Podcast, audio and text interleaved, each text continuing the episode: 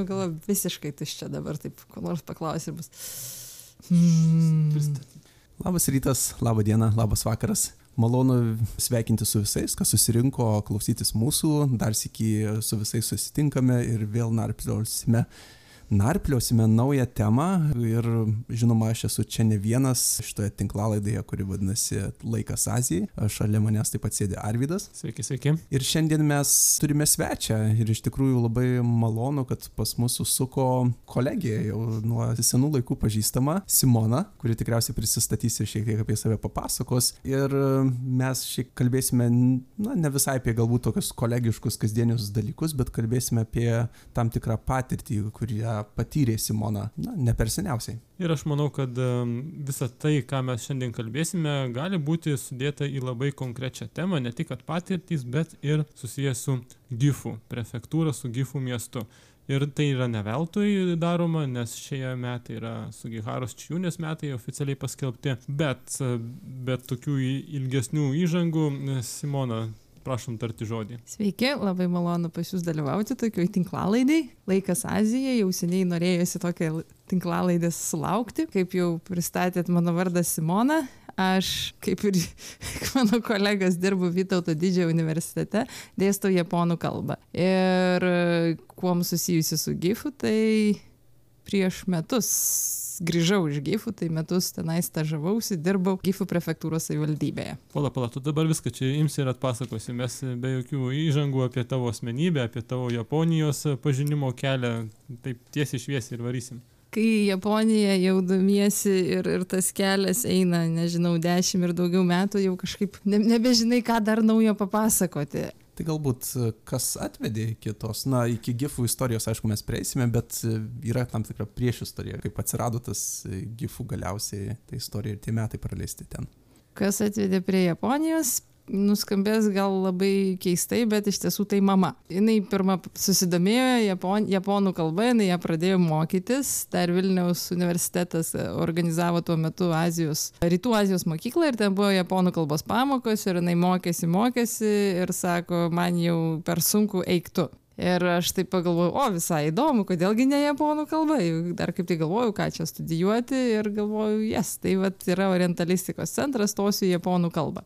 Ir nepasakyčiau, kad labai iš karto ten tas kelias tvarkingai susiklosti, biški buvo tokių niuansų, bet galiausiai įstojau į japonų kalbą ir iš tiesų man, man labai patiko. Pati kalba, ne tiek, kad aš per kultūrą prie jos prieėjau, bet labiau gal per kalbą prie kultūros. Man patiko pati kalba, jinai tokį labai kelinti iššūkius ir aš taip visai priemiau tą iššūkį. Kur aš girdėjau šitą istoriją, Linai? Taip, apie kalbos iššūkis yra, kad iššūkiai energijos suteikia ir motivuoja toliau judėti į priekį. Kažkokią turim, matom, kad mes turim tam tikrą bendrą šabloną japonistų kelio į gilesnius vandenis, būtent per iššūkius, kuriuos kalba suteikia.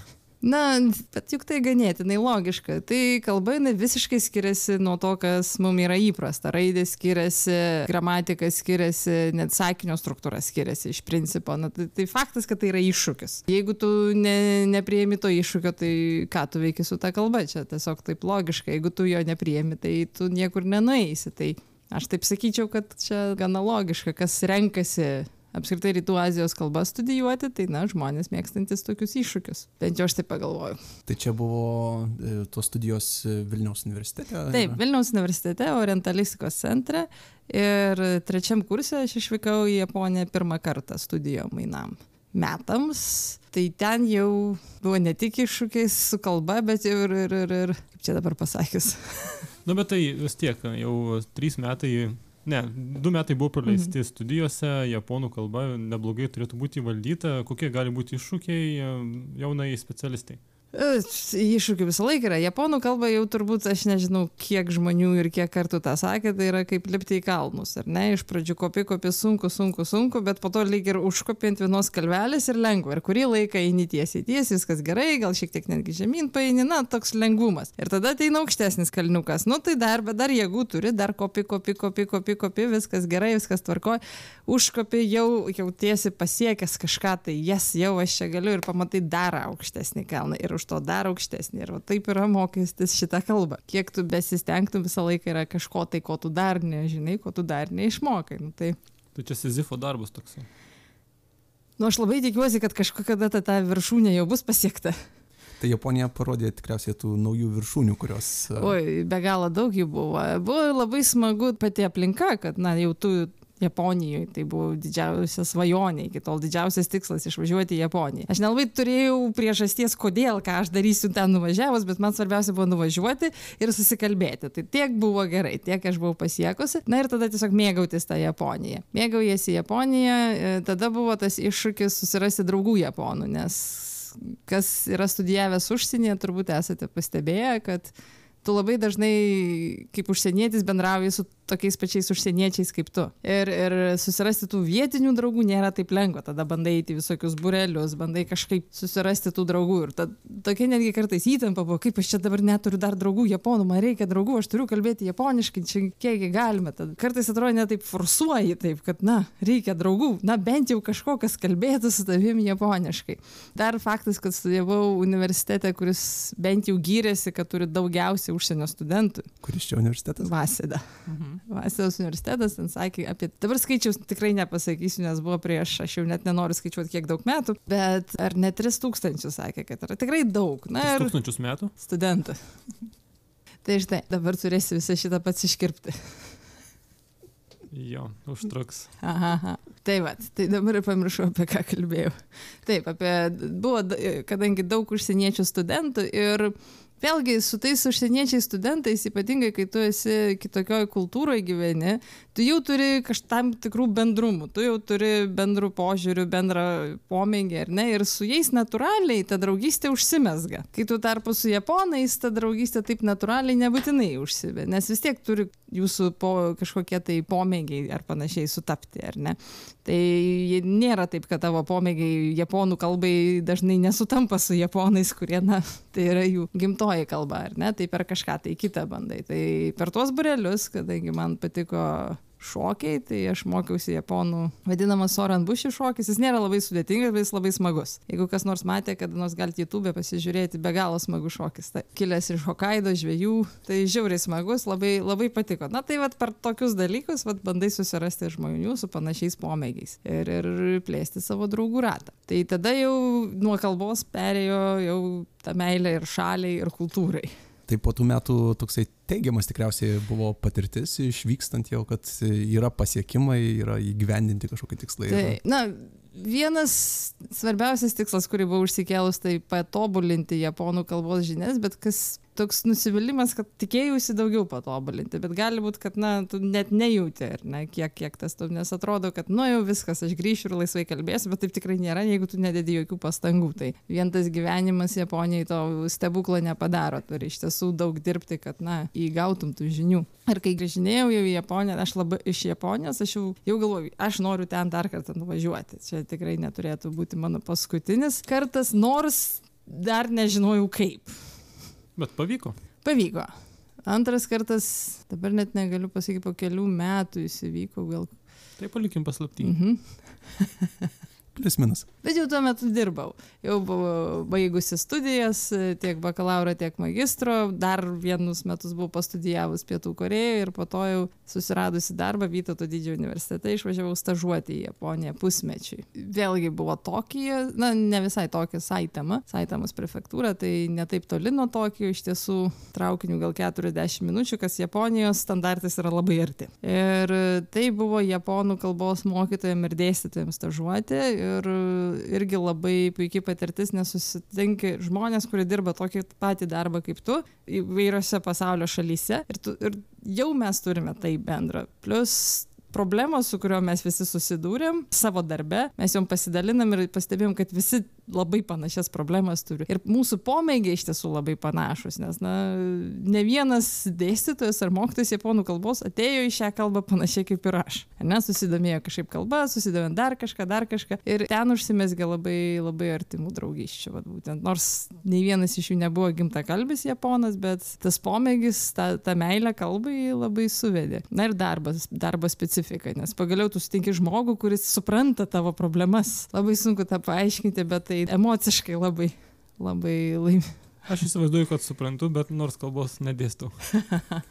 Bet ten japonų draugų, kaip tas pirmas tikslas buvo susirasti japonų draugų, jau čia buvo toksai labiau Jo, japonų, japonų draugų buvo studijų laikais tikslas.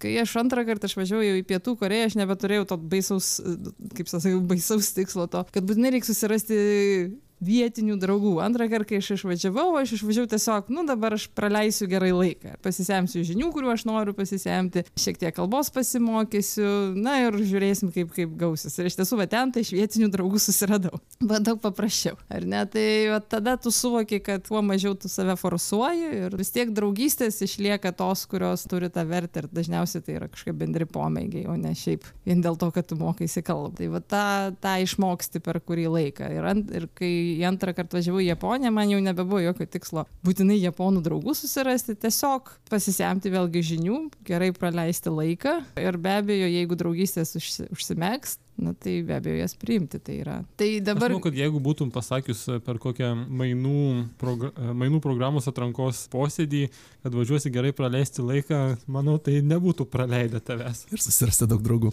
Ne, tai palaukit, gerai praleisti laiką, tai nereiškia sėdėti, gerti ir, ir vakarėliai. Aišku, tai yra viet, to dalis, bet gerai praleisti laiką, tai reiškia nestresuoti, ne, nepanikuoti, iš tiesų, na, mėgautis tuo, ka, to galimybėm, kas tai yra. Tai aš ne, nenoriu, kad čia tas gerai praleisti laiką automatiškai būtų siejamas su vakarėliais. Nugi juokaujam, juokaujam. Gerai, tai dvi kelionės, du pabuvimai Japonijoje ir tada atsiranda tas trečias, kuris šiek tiek, na, manau, skiriasi nuo ankstesnių dviejų savo tokio pobūdžio ir tikslais. Jeigu jau taip atvirai, tai trečias buvo paprasta kelionė dviem savaitėm ir Tai po to. Ir po to po metų įvyko ketvirtas. Jeigu eiliškumo tvarka, tai netgi penktas, nes vienam tarpe man reikėjo prasitęsti Korejos vizą ir man liepė imigracijos departamentas, sako, ai gal tu nuvažiuok į Japoniją ir grįžk ir mes ir tavo viza automatiškai prasitęs. Tai, tai buvo toksai labai trumpas. Paskutinis jau galiu sakyti kelionė į Japoniją, tai buvo jau, galėčiau sakyti, kaip ir darbas. Tai buvo dalyvavimas JET programoje. Ką reiškia jet? JET programa, tai, na, jinai iš esmės skirta mokytojams. Taip, tai yra anglų kalbos mokytojams ir dažniausiai jie yra gimtakalbiai, ar ne, anglų kalbos gimtakalbiai. Bet dalis tos programos yra skirta japonų kalbos specialistams, kurie važiuoja į įvairias savivaldybės, institucijas ir tenais tokie kaip pagalbininkai dirba ten dažniausiai su vertimais, vertėjauja arba lanko mokyklas, pasakoja apie savo šalis, apie savo kultūras ir taip toliau. Ir tai yra iš tiesų labai gera programa būtent tiem japonų kalbos specialistam, ypač jeigu jie nėra anglakalbiai ir e, kitos galimybės sudalyvauti JET programoje jie nelabai turi. Bet, pavyzdžiui, tam tikra Japonijoje esanti savivaldybė palaiko ryšius su tam tikra šalimi, kad ir Europoje, pavyzdžiui, Vokietija ar ten e, Švedija arba kaip mano atveju buvo Lietuva, ir, ne, ir jie pasiprašo specialisto iš to šalies, kuris atvažiuoja ir na, padeda palaikyti tuos santykius, vertėjau ir taip toliau. Tai yra puikia galimybė va, tiems specialistams įsitvirtinti Japonijos darbo rinkoje. O tai kur buvo ta programa iki, iki tavęs Lietuvoje? Niekur. Tai buvo pati pirma. Lietuva vėlgi, na, dažniausiai jie nori specialisto, kuris atvažiuotų būtent iš to regiono, su kuriais japonai bendradarbiauja. ar Ne, su Lietuva dar iki tol niekas nepaprašė specialistų iš Lietuvos ir GIFų buvo pirmieji, kurie sako, na, mes, mes pradedam. Iš tiesų, tais metais buvo lietuviai išsiusti dvi prefektūras, vienas į Tokio prefektūrą, bet iš tiesų tai į salą Hačidžių, o kitas tai yra aš buvau išsiusta į GIFą. Tai čia viskas prasidėjo, na, tokia trumpa istorija, tikriausiai, na, neilga istorija, gal taip reikėtų sakyti, tos jet programos ir Lietuvos, kad tai yra Taip, na, naujas dalykas. Iš principo, kiek aš supratau, bent jau gifų atveju, tiek kiek aš supratau, jie man tie- tiesiai šviesiai to nepasakė, bet iki tol buvo Turkija tenais dirbo. Ir su Turkija jokių ryšių kažkaip nepalaikė ir po to, kai baigėsi jos laikas, jie prašė naujo jet dalyvio ir sakė, na, paimkime iš Lietuvos.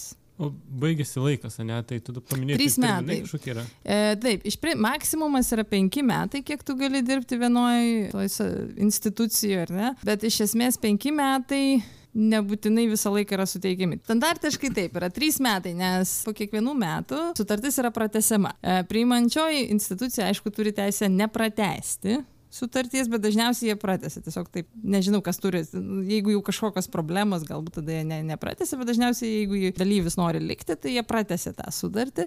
Tai iki trijų metų jinai dažniausiai būna pratęsiama, jeigu yra galimybė, galima pratesti iki penkių metų. Taip, tai GIFų iki mano atvykimo iš tiesų jie nepratesinėjo iki penkių metų, aš nežinau kodėl. Tiesiog, nu, nebuvo gal tokios tradicijos, gal ir patys jau tie dalyviai nebenorėjo likti, bet žinau, kad kai aš atvykau, tada buvo trys mano kolegos, kuriem jau baiginėjosi treti metai ir jie prasitėsi ketvirtiem, tai jau kažkaip pasikeitė, nežinau.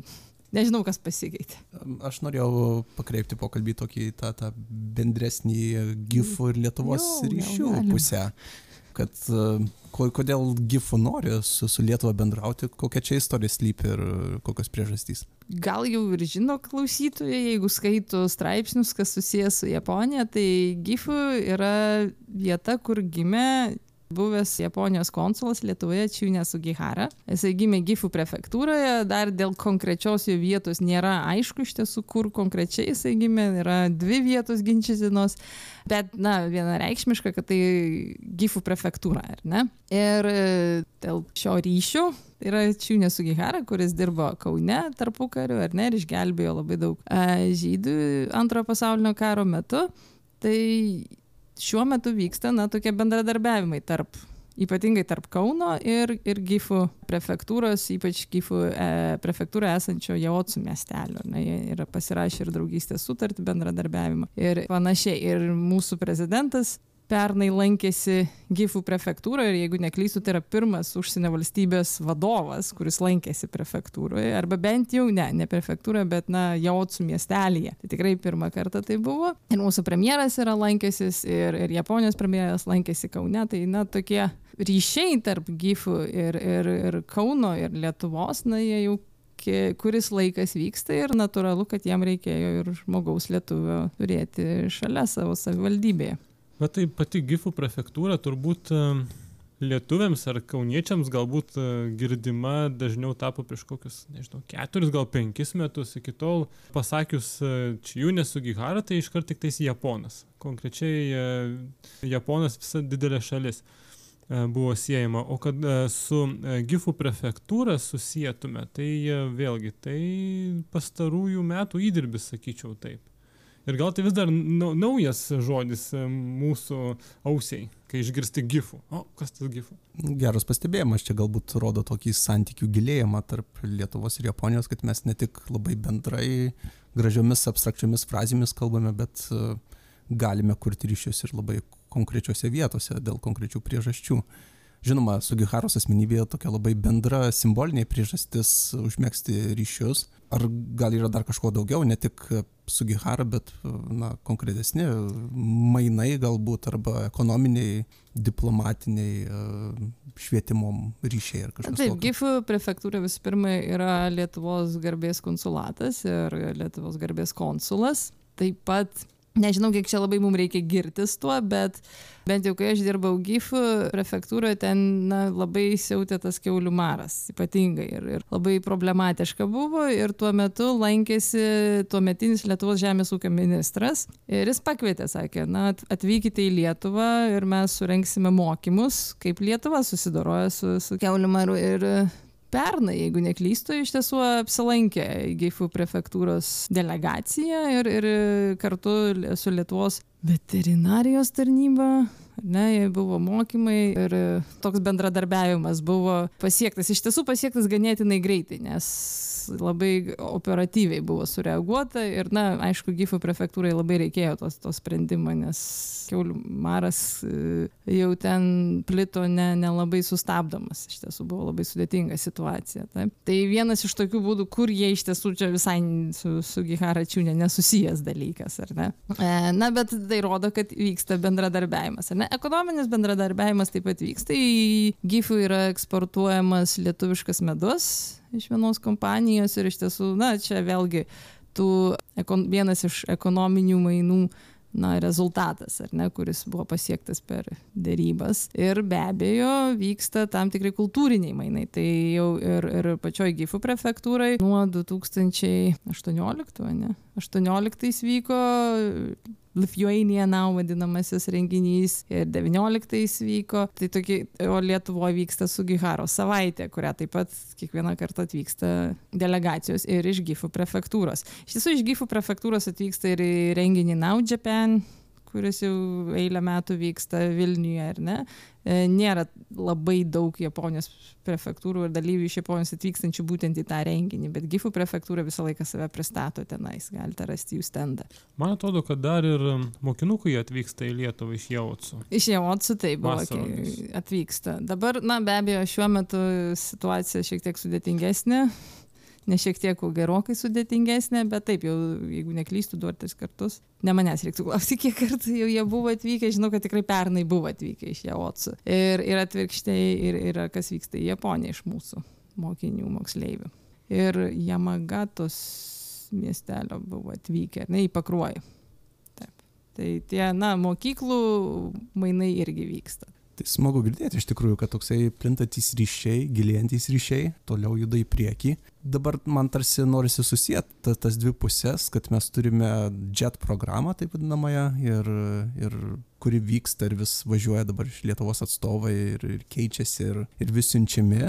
Turime ryšius labai gražius besikūrinčius tarp GIFų prefektūros ir Lietuvos įvairiausių vietų ir kaip dabar čia viskas susijungia į tokią praktinę visumą. Koks yra vaidmuo būtent tos programos JET atstovų, būnant GIFO prefektūroje, daryti kažką, kad čia vyktų kažkas daugiau. Gal kažkokie yra veiksmai, kažkokios strategijos, galų galia kokia galbūt ir kasdienybė tiesiog to, to būnant lietuvio Japonijoje, kuris per metus turi kažką nuveikti, pasiekti. E, vėlgi, jeigu žiūrim į pačią JET programą, tai, ką tu veiki, ar ne, tavo darbo pobūdis labai priklauso nuo tavo priimančiosios institucijos, ką jie tau duoda, ar ne. Dažniausiai būna taip, kad JET programos dalyviai dirba arba turiz, turizmo susijusi darbą, arba vadinamai tarptautinius ryšius plėtoja palaiko. Vienas iš dalykų, ką aš dariau, tai buvo mokyklų lankymas. Lankai mokyklas, pristatinėjai Lietuvą, kokie ryšiai tarp Lietuvos ir GIFO. Toks dalykas, kuris labiausiai matomas, kad tu, na,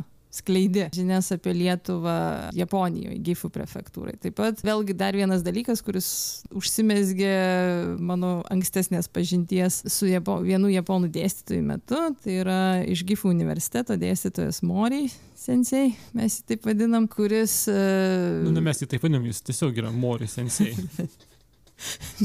tai nėra jo, ta prasme, Mori jo pavardė. Taip. Ir jisai 2011 metais jisai buvo Kaune, taip mes susipažinome Haši klube. Tai yra japonistikos klubas Vytauto didžiojo universitete ir jisai jau kuris laikas norėjo tokį panašų klubą tik tais Lietuvos mylėtojų klubą Gifų universitete įsteigti. Ir jisai jį įsteigė ir tenais aš irgi vykau, na, pasakoti apie Lietuvą, ar ne, pristatinėti ir ne tik aš vyku ir, ir kiti su Lietuva susiję žmonės. Tai tas irgi skleidimas ne universitete. Kitas dalykas, daugiau kiek aš pati daryčiau, tai nebuvo labai daug. Ai, dar tiesa buvo anglų kalbos paskaitos, bet anglų kalba apie Lietuvą. Ne tokio dalyko. Irgi galim tą užsiminėti. Anglų kalbos paskaitėlės ar panašiai. Ai dar kultūriniai vakarėliai. Tai jau daug veiklų. O tai tos iniciatyvos jos iš tavęs turėjo kilti, ar yra kažkokia programa, kurią tau šefas nurodė, kad dabar tu aplankysi tiek mokyklų, nuvažiuosi tiek universitetų, pravesi tiek paskaitų. Kiek yra savarankiškas to koordinatoriaus veiksmas? Labai priklauso nuo koordinatoriaus.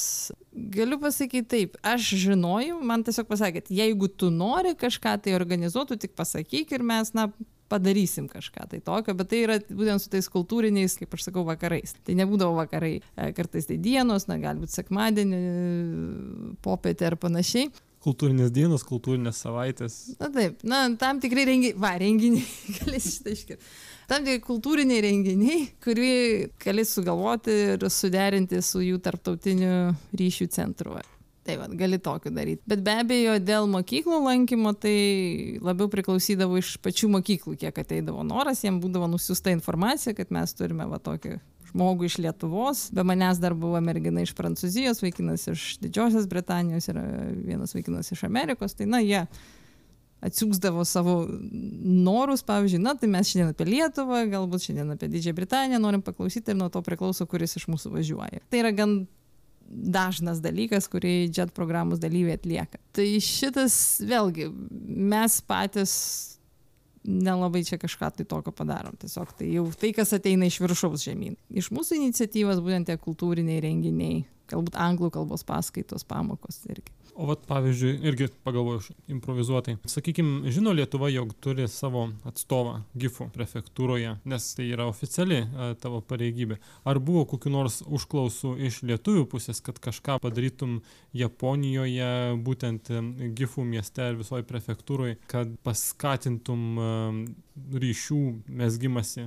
Ar tai buvo būtent tavo vaidmuo, kad japonai tave išnaudoja ryšiams su, na, ne tai, kad išnaudoja, panaudoja ryšiams su Lietuva. Ar kiek tai buvo iš abiejų pusių iniciatyvų susikirtimas? Kalbu dabar apie tos tokius masyvus kaip Lietuva ir gifų. Dabar neprisimenu, kad būtų kažkoks lietuvis konkrečiai taip kreipęsis ar specialiai institucija. Dažniausiai būna, kad nėra taip, kad aš atvažiavau ir nuo tada prasidėjo santykiai. Ar ne, aš atvažiavau jau į tai, kas vyksta. Tai tu toliau tęsi tą darbą, kuris jau yra pradėtas, ar ne, ir ten jau dirbi. Tai žmonės, su kuriais tu dirbi, jie žino, kad yra lietuvis. Bet tai jau yra labai konkretų su darbo susiję prašymai ar panašiai. Bet nėra taip, kad visai iš šalies kažkas, o, aš girdėjau, kad gifų yra lietuvis ir gal tu gali, ne, tokių dalykų nesu, nebūna. Bet taip galėtų būti.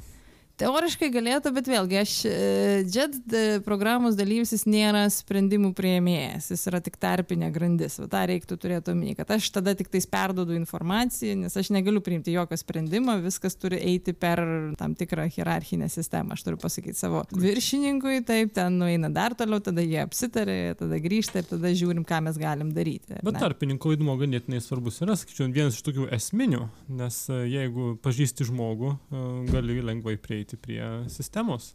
Aš sakyčiau, kad gal jo, daugiau aš atsiminčiau, kad būtent mano viršininkas klausdavo, va, man reikia to ir to, ar Lietuvoje žinai, ką nors, kas galėtų tą ar tą padaryti, va, būtent šitaip. Bet vėlgi, aš dirbau tik metus, gali būti, kad tai nebuvo tas pakankamai ilgas laikas, kad galėtum taip įsitvirtinti. Bet kitas dalykas dar yra tai, kad savivaldybėje labai keičiasi tie viršininkai ir, ir tavo tie visi vyresnėji kolegos, nes tiesiog yra rotacijos principas, kaž, kažkiek metų jie turi pakeisti savo vietą. Tai man būnant kovo mėnesį, na, balandžio mėnesį pasikeitė mano viršininkė ir atėjo naujasis, kuriam, na, kaip reikėjo daug ką iš naujo, ne tai, kad iš naujo, bet mokytis, sužinoti daugiau apie Lietuvą, visą kitą, nes nebuvo labai su tuo susipažinęs. Tai vėlgi šiek tiek darbas sulėtėjo. Bet tai aš teisingai supratau, yra žmogus Gifų prefektūros savivaldybėje, kuris yra atsakingas už ryšius su Lietuva, Japonas ir kuris nuolatos tai palaiko ir tada JET dalyvis yra kaip jo asistentas. Nu kaip, yra tarptautinių ryšių skyrius, ar ne, ir ten yra žmonės, kurie, na, jie turi įvairius darbus, bet faktas, kad jeigu tu dirbi su Lietuva, o su Lietuva ryšiai yra pakankamai glaudus, tai tavo darbas tikrai daugiau susijęs būtent su Lietuva. Tai nereiškia, tu nedirbi su nieko kitu, na, bet iš tiesų su Lietuva tu dirbi daugiausiai gal. Tai tuo metu, kai aš atvykau, buvo du žmonės, tai buvo viršininkas ir jo padėjėjas. Ir aš, na, mano pirmieji darbai tiesiog buvo vertimas iš tiesų, komunikacijos palaikymas, tokie dalykai pačioj pradžioje, nu, paprastai nuo to pradėti. O kokie buvo lūkesčiai išvykstant ir paskui jau išvykstant atgal į Lietuvą? Ar labai skiriasi? Skiriasi tai, ką įsivaizdavai, kad ten reikės daryti ir ką reikėjo iš tikrųjų daryti ir galbūt, na, išvykstant jau buvo kažkoks toksai jausmas, kad kažkas gal nepadaryta arba kažko kitaip galėtų kas nors būti. Kiek čia dabar meluoti? Šitą neiškirpsiu. ir neplanavom. um, hmm. uh, kaip aš kažkur čia minėjau, jeigu neiškirpsit, tai būtent šitą poziciją gerai pradedančiajam žmogui. Kaip pirmas bet jau rimtas darbas. Tai iš principo kaip ir sakiau tų atsakomybių nėra tiek jau labai daug. Tave labai prižiūri tau padeda visa kita. Tai aš kažkaip gal tikėjausi šiek tiek daugiau atsakomybės ir daugiau laisvių savo sprendimui. Kai aš nuvykau aš pastebėjau kad čia labai nedaug tos laisvės ir tos atsakomybės. Gal tai nėra labai blogas dalykas, jie aišku apsidraudžia ir visa kita, bet tai yra toks kažkaip norėjau, tikėjausi, kad aš tikėjausi, kad bus galbūt šiek tiek daugiau darbo bent jau pradžioje. Vėliau ilgainiui jo aišku atsirado ir, ir, ir buvo pakankamai smagu dirbti. Pradėjo važiuoti ir delegacijos, ir, ir vertėjauti teko, ir bendrauti, ir aprodyti, ir taip toliau. Tai ir mokykla buvo atvykusi. Iš tiesų to darbo ne, netrūko, bet ta pati pradžia tokia buvo labai, aš sakyčiau, šiek tiek lėta galbūt. Taip. Kitaip sakant, buvai įdėta į biurokratinį aparatą kaip mažas raiktelis Nu, bet ar ne, vis, ar ne visos biurokratijos taip veikia? Čia galbūt tiesiog tas, aš, kadangi tokio darbo nebuvau prieš tai dirbus, tai nelabai žinojau, ko tikėtis. Kažkaip įsivaizdavau, kad bus labai daug darbo. Bet kai nuvažiuoji, pamatai, kad to darbo nėra tiek daug, kiek tikėjai. Nežinau, ar čia labai yra kuo skūstis. Ir po to jau matai, vis tiek pati pradžia jinai būna lėtesnė, kol tu suvoki, apsipranti, supra, kiek, kiek gali pats siūlyti, kiek reikia palaukti, kiek kur reikia šiek tiek galbūt mažiau kažko daryti, kur reikia šiek tiek daugiau pasistengti ir taip toliau. Tai vat. Bet išvažiuojant iš tiesų aš jaučiausi visai, visai, visai patenkinta. Patenkinta, kad išvažiuoji ir patenkinta, kad padarai kažką. Ta, ką tikėjai. Prieš pat išvažiuojant iš tiesų buvo ganėtinai įtemptas laikas, vyko renginys Lithuania Now, po to dar buvo ir, ir ambasadorius, iš tiesų, na, toks ganėtinai įtemptas laikas, kad to darbo gavosi labai labai daug, tai atrodė, kad jau, jau aš jau labai daug dirbau, tai toks. Toks pasitenkinimas, ar ne, atėjo, kad taip, patenkina, kad kažką nuveikiai ir buvo, na, ganėtinai nemažos viltis, kad kažką pavyks tęsti Lietuvoje grįžtant prie to užsiminimo, kad esi kaip sraigtelis visoje biurokratinėje didelėje mašinoje, galbūt mums Lietuvoje tai ne, netrodo kažkas gal įdomaus, bet jeigu mes įsivaizduojame japonišką biurokratinę mašiną su visais savo ypatumais, kultūriniais ir, ir hierarchijomis, ar tai leido kažką išmokti, pasimti, suprasti apie Japoniją, arba galbūt, net nežinau kaip pasakyti, iš teigiamos ir iš neigiamos pusės galbūt įvairiausių aspektų galima buvo pamatyti. Daugiau neigiamų, jeigu būtų galima vis, visada įdomiau jų išgirsti. Aš dabar atsiminčiau, kas ten tokio labai neįgiamo buvo. Esmė yra tame, kad vėlgi gal neigiamas buvo tas, kad nu, tu vis tiek esi kaip ir to viso biurokratinio aparato dalis, bet vis tiek kaip ir nesi. Tave vis tiek žiūri, ai, nu tu čia laikinas, ar ne? Vis tiek maksimum penkis metus tu gali dirbti tenais. O jeigu pagalvokim Japoniją, tai nėra ta šalis, kur žmonės labai dažnai darbus keičia, tai daug kas, kas ateina tenais dirbti, jie ir lieka tenais. O tu tave žiūri, na tai pabūsi čia kokius tris metus, galbūt po to išeisi. Vietoj tavęs ateis kitas. Aš nebuvau pirma tenais ir nebuvau paskutinė, po manęs atėjo kitas be abejo. Tai galbūt iš tos pusės žiūrint kažkaip ir mano oficialus statusas nebuvo visiškai lygus eilinio darbuotojo statusai. Mes šiek tiek tokį turėjom statusą, kiek žinau, dabar jis pasikeitė, dabar jau juos visus sulygino. Bet dar kol mes e, dirbom, dar, dar mes buvom kažkiek šiek tiek kitokie, kas iš dalies buvo ir gerai, nes buvo tam tikrų prievalių, kurių mums nereikėjo daryti. Iš kitos pusės kažkaip jautiesi kaip ir ne prie hebros, jeigu taip galima išsireikšti ką aš atsimenu, nu vėlgi, kadangi tuo metu, kai buvau tas keulių maras, labai įsirėžė į atmintį, nes su juo norint susidoroti, be abejo, tas keulės reikėjo skersti. Ir kas man keiščiausia buvo, kad savivaldybės darbuotojai buvo vežami padėti sulikviduoti tuos keulių ūkius. Tai mes kaip, na, JET programos dalyviai, kaip ne, ne prie Hebros, tai mums nereikėjo važiuoti. Mes neturėjom tos prievalės. Bet va, tai man buvo labai keista, kad būtent savivaldybės darbuotojai turi vykti. Mes kaip ir biudžetiniai darbuotojai ir pagalbos reikia, nes patys ūkininkai nesusitvarko ir taip toliau. Tai tas buvo labai keista, bet ne tai, kad jie buvo verčiami, bet Japonijoje yra taip, tavęs nereikia versti, tiesiog pasakyti, kad, nu, būtų geriau, jeigu darytum. Ir susiprast reikia. Ir susipras, jo, ir susipras, jeigu nori ten gal paaukštinimo geriau, ar perkelti į kokią geresnį vietą, ar panašiai, ar panašiai, be abejo. Kitaip sakant, tarp eilučių perskaityti reikia.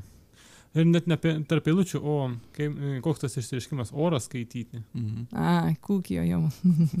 tai vad neperskaitysi oro, taip ir žinokis. Bet ar tie dalykai buvo kažkas naujo, ar tai buvo, na, Japonija taip ir yra, nes tai buvo iš ankstesnių buvimų sužinota, perprasta, ar vis dėlto kažkokios naujos patirtys buvo, nes valdybė su savo tvarka ir ypatumais?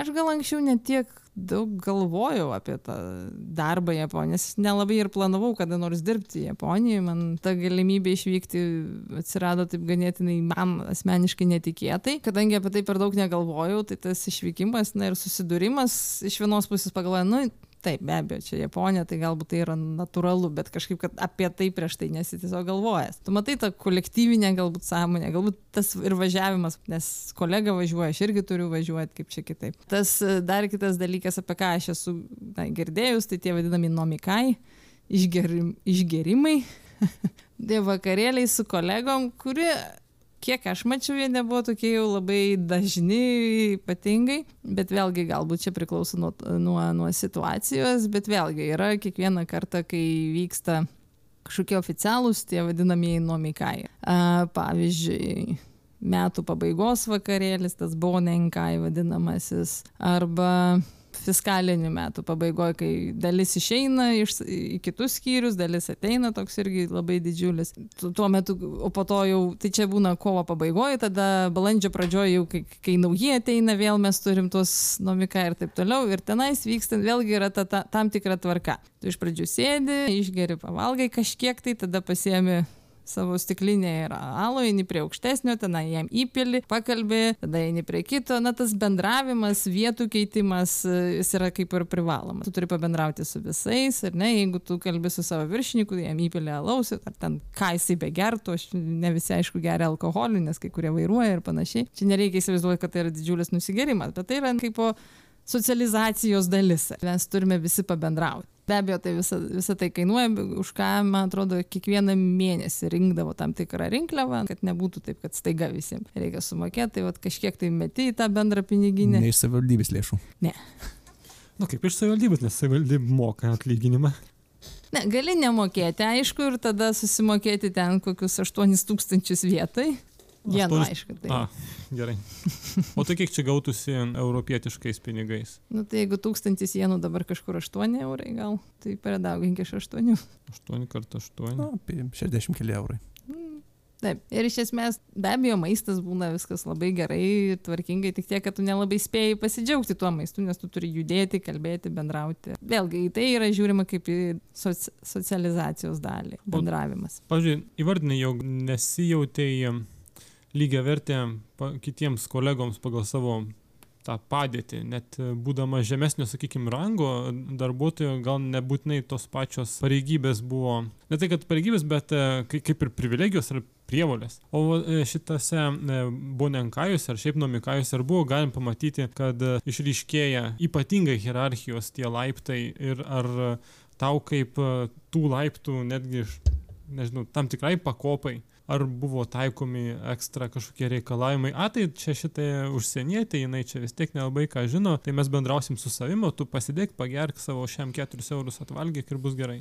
Ne, ne, ta prasme, tos bonenk e, išger, tuos išgerimus nuo Mikajo nereikia žiūrėti kaip labai hierarchinį, be abejo, jinai ten vis dar veikia ta hierarchija, bet tai yra socializacija ir tie patys viršininkai, bendrauja su savo pavaldiniais ir bent jau mano atveju, vėlgi aš su visais gerai sutariu ir mes beveik visi užsieniečiai, kurie dirbam su mumis, vis, mes plus minus sutarėm gerai su visais ir visi nu, kažkaip gan draugiškai su mumis bendravo, bet e, jeigu pasižiūrėjus jau į tų japonų tarpusavio santykius, tada jau išriškėja tai, kas vadinama honne ir ta tema, ir ne tai, ką tu tikrai manai ir tai, kad tu tą veidą, kurį tu rodai viešai. Ir tai kiek čia daug apie tai kalbėti, net nelabai žinau. Dažniausiai tai, kaip e, aš asmeniškai nelabai kišausi į tuos dalykus, bet galiu pasakyti tiek, kad labai ypatingai, kai, kai žmonės lieka viršvalandžius, Dalis išeina, dalis lieka. Aš gal buvau tik vieną kartą, kai man reikėjo dirbti viršvalandžius. E, Mano kolega Peteris kartais dažniau pasilikdavo ir jis pasidalindavo savo išvalgom, sako, kaip jie visi tada pradeda vienas ant kito varyti. Ir kaip tada jau pasimato, ar ne? E, Iš tiesų, na, situacija tokia, kad tu, na, žmogui tiesiai akis kaip ir nesakai, ką tu iš tiesų apie jį galvoji, bet tas žmogus išeina ir tada tu jau daliniesi su kitais nuomonėm, ką, ką tu apie jį galvoji. Bet tas aš įsivaizduoju, tai yra žmogiška ir nu, mes galime tą ir Lietuvos darbovietėse pamatyti. Nežinau, neteko pajausti šito. Arvidas tai jis nelabai ką išmano, bet tokius Nu. dalykus, man atrodo, jisai čia. Jūs kažką sakėt? Taip, na, ta prasme, visi, O, gerai, gerai. Tai aš einu. Tada, tada kaip, na, ilgainiui paaiškėja, kas ką mėgsta, kas ko nemėgsta, bet vėlgi tai yra na, na, natūralų žmogiški dalykai. Tai be abejo, tai nereiškia, jeigu viršininkas jį visi turi mėgti, nepaisant to, kad visi su juo mandagiai kalba. Ir viršininkas nebūtinai visus mėgs, nepaisant to, kad jis, na, kaip ir stengiasi mandagiai su visais kalbėti. Bet e, kažkaip, atsakau, mes kaip užsieniečiai nelabai to, to patys asmeniškai jautėm, nes bent jau su mumis viršininkai, vėlgi priklauso nuo viršininko, bet gal neapkalbinėkim kitų viršininkų. Man iš tikrųjų įdomu, uh, ties ta vieta, viršininkas, viršininkas, bet uh, klausimas tie viršininkai, kurie su Lietuva dirba, uh, kiek jie iš tikrųjų to ryšio su Lietuva turi?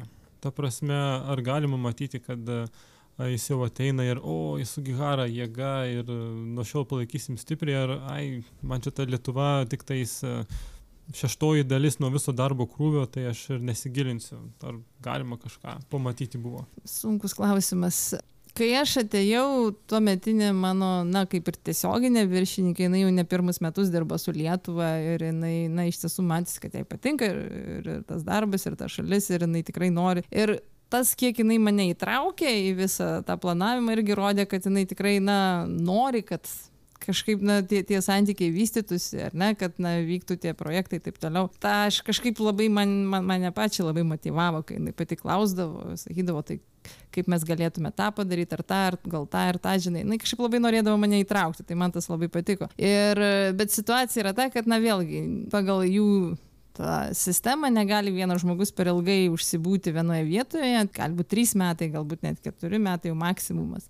Ir po to jau jie perkeliami į kitą vietą. Vėlgi, na, čia sumažinti korupciją ir taip toliau. Ir jie jau perkelė, nes jie jau per ilgai buvo toje vietoje ir atėjo naujas, kuris, na, niekiek nedirbė su to. Be abejo, jam viskas yra nauja, jam vėl viską reikia išmokti, vėl viską žiūrėti. Vėl. Tai negali sakyti, kad jam nepatinka ir jam nerūpi, jam tiesiog jis visą tą turi išmokti, tą situaciją tuo tarpu jo tiesioginis viršininkas kuris jau buvo mūsų kaip ir skyriaus viršininkas irgi ilgus metus dirbo su su lietuva ir jis nepasikeitė jis liko. Na tas padeda nes nėra taip kad vienas žmogus tiktais atsakingas yra keli. Ne vėlgi tos pakopos ir mūsų viso viso to padalinio galbūt sakyt viršininkas irgi lankėsi lietuvoj irgi buvo na suinteresuotas tuo tai vėlgi tai nepriklauso nuo vieno žmogaus. O žiūrint iš tokios labai praktinės pragmatinės pusės galbūt kas nors klauso ir išgirdo apie šitą jet programą kad yra lietuvių kurie yra japonijoj kurie tarpininkai kurie gali padėti suvesti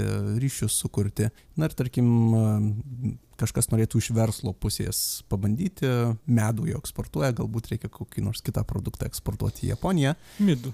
Midų kad ir ir ir tam reikia būtent tų ryšių kažkokių kontaktų. Ar gali tokie žmonės kreiptis būtent tada į gifų prefektūros būtent tą koordinatorių ir jisai kažkuo padėtų ar čia būtų labai na naivus arba tolimas kažkoks uždavinys būtent kaip iš pačios tos metų patirties atrodytų? Pati savivaldybė prefektūros savivaldybė jinai tų ekonominių mainų jinai nekuria nes tai kuria jau verslai patys. Tai ką jinai gali padaryt jin gali suteikti kontaktą kontaktus su su žmonėm su kuriais galėtų bendrauti. Pavyzdžiui tą patį garbės konsulą lietuvos kurio dėka iš tiesų daug kas vyksta. Taip kad nesakau kad tas nepadėtų galbūt būtų kaip pradinis žingsnis. Kuo konkretesnį pasiūlymą konkretesnę užklausą nusiunti tuo turbūt būtų lengviau nes japonai labai nori konkrečiai žinoti kas kur kodėl kaip ir taip toliau. Kai jie konkrečiai jau žino tada tada jau bus aiškiau nes buvo atvejų kai kažkas kreipėsi lietuva nesusiję jeigu neklystu ar ten jungtinės amerikos valstijos ar kažkas buvo kur irgi labai abstrakčiai jiem ten reikėjo kažkokių tai pagalbos gal galite padėti aš čia noriu tokius ir mainus čia kažką daryti tai visi už galvos susiėmė sako ką mes žinom kokius mainus kokioj srity su kuo?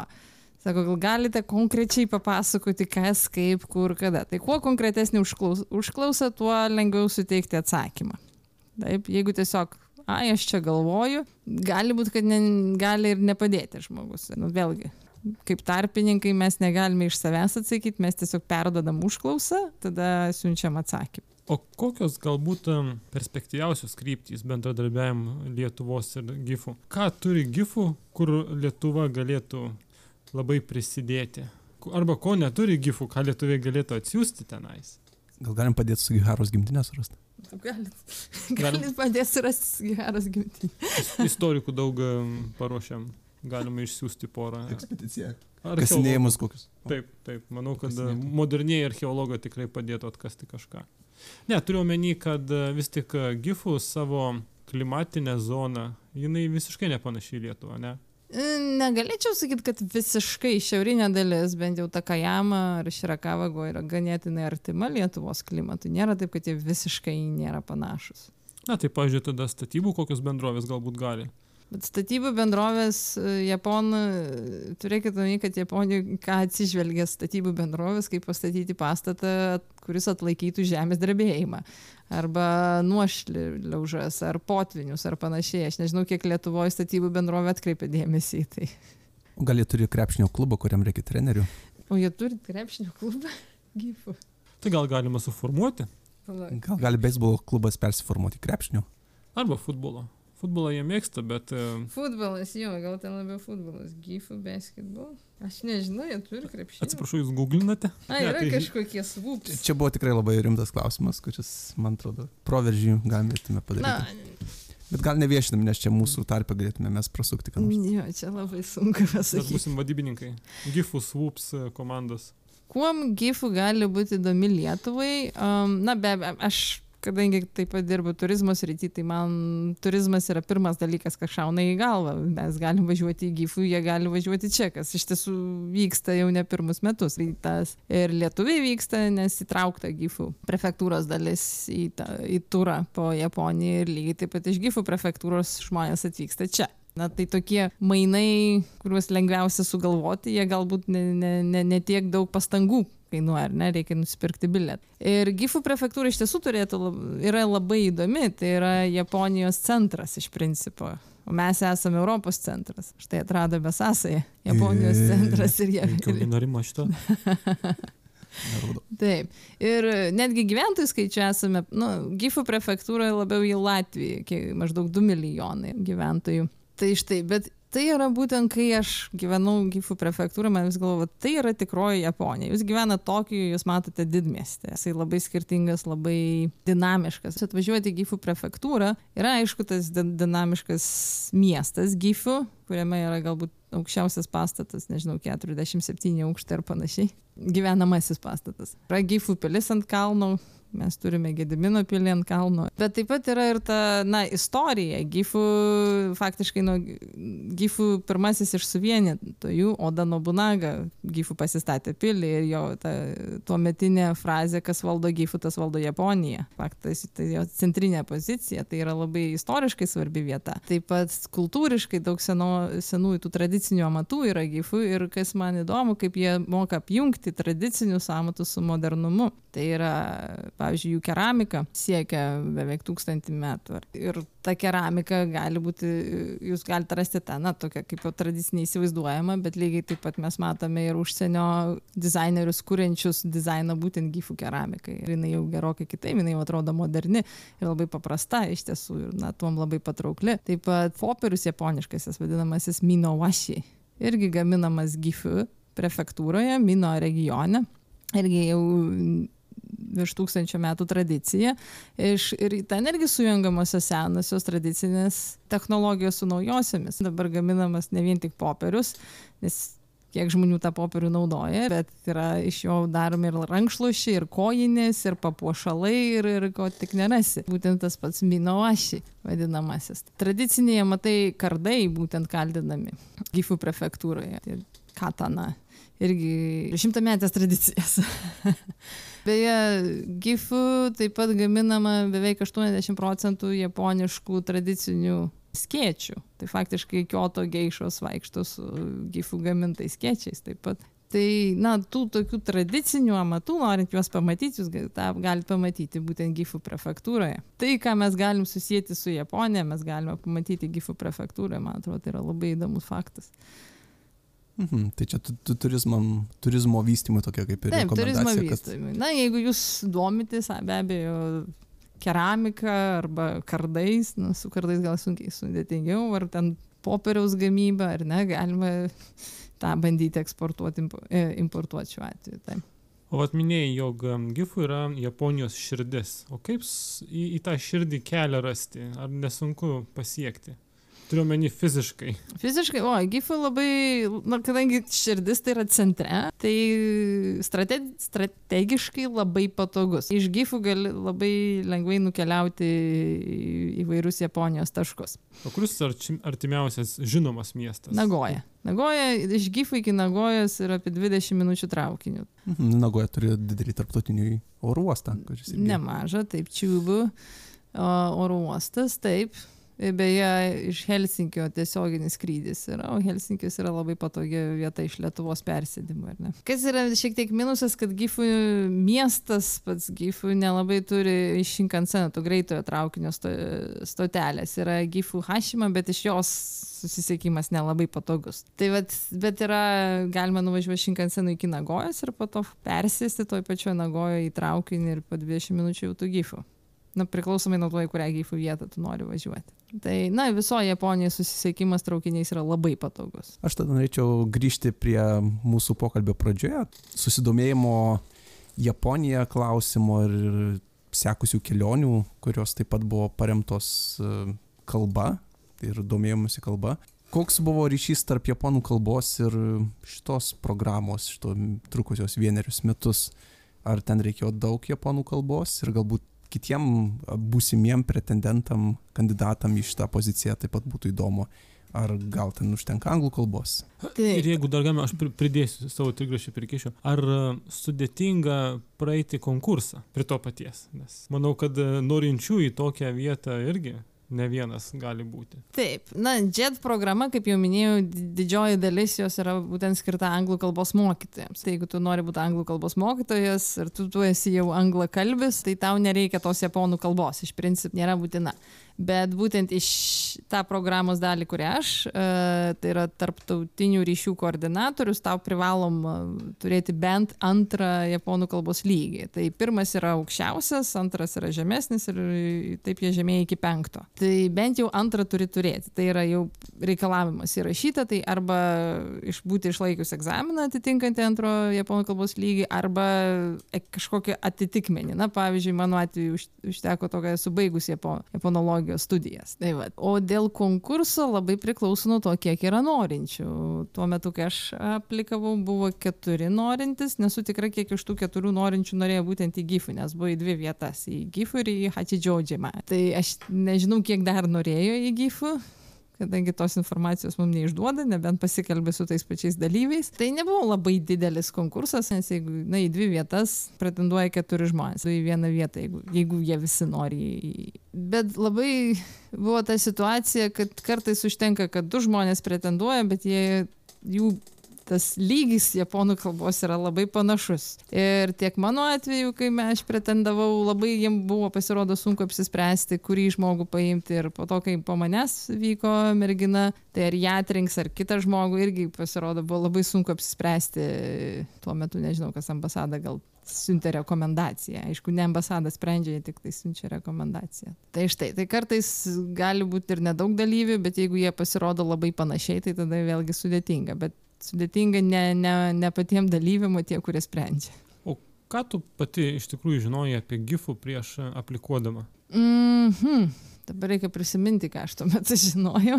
Taip, tai kad, na, Sugiharos Čiūnės gimtinė yra gifų ir aš iš tiesų buvau dirbus su gifų prefektūros delegacija. Dar prieš aplikuodama į Gifų prefektūrą, jie buvo atvykę į Sugiharo savaitę ir ten vieną dieną aš buvau kaip ir toks pagalbinis darbuotojas. Mano darbas buvo tiesiog, kai jiem reikia iškvie, paskambinti autobuso vairuotojui, kai jis priva- privažiuotų su autobusu. Tai buvo labai atsakingas darbas, na iš principo visą dieną reikėjo taip ir darbuotis. Tai kaip ir buvau sutikus, dar tuo metu nežinojau, kad aplikuosiu į Gifų prefektūrą, kad vėliau aš su jais darbuosiuos, tai po to buvo taip, kad kai prieėjau žmonės sako, aš tave mačiau Kaune, kai aš buvau, tu mane atsimeni, o ten buvo tiek daug žmonių, nu, galvoju, nu, nu ne, aišku, kad neatsimenu. Keletą, keletą prisiminiau, bet sako, o, bet tai vienas netgi atsimenu, prieėjau ir sako, aš žinok, taip negražiai su tavim kalbėjau, kai buvau Kaune, labai atsiprašau, sakau, bet nieko jūs man nesakėt, apie ką jūs kalbate. Ne, aš labai, aš labai atsiprašau, aš nemaniau, aš, aš, aš tikrai nu, buvau labai pavargęs, čia ne, ne, ne, ne, nepyknė kažką. Tai. Va tokių irgi buvo. Tai, na, iš tiesų, nepasakyčiau, kad labai daug žinojau, bet be abejo, prieš prieš eidamas į pokalbį dėl darbo pasidomi galima būsima darbovietė. O dabar kitas klausimas vėlgi, kai aplikavai tuo metu, tai buvo dvi, sakėjai, vietos galimas. Tai buvo Tokijo, Hachidžodžima ir Gifu.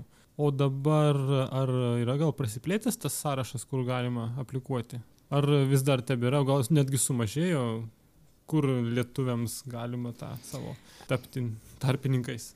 Tai čia vieša informacija. Ambasados, ambasados puslapį ar vidai galima pasižiūrėti ir čia tokių klausimų neuždavinėti.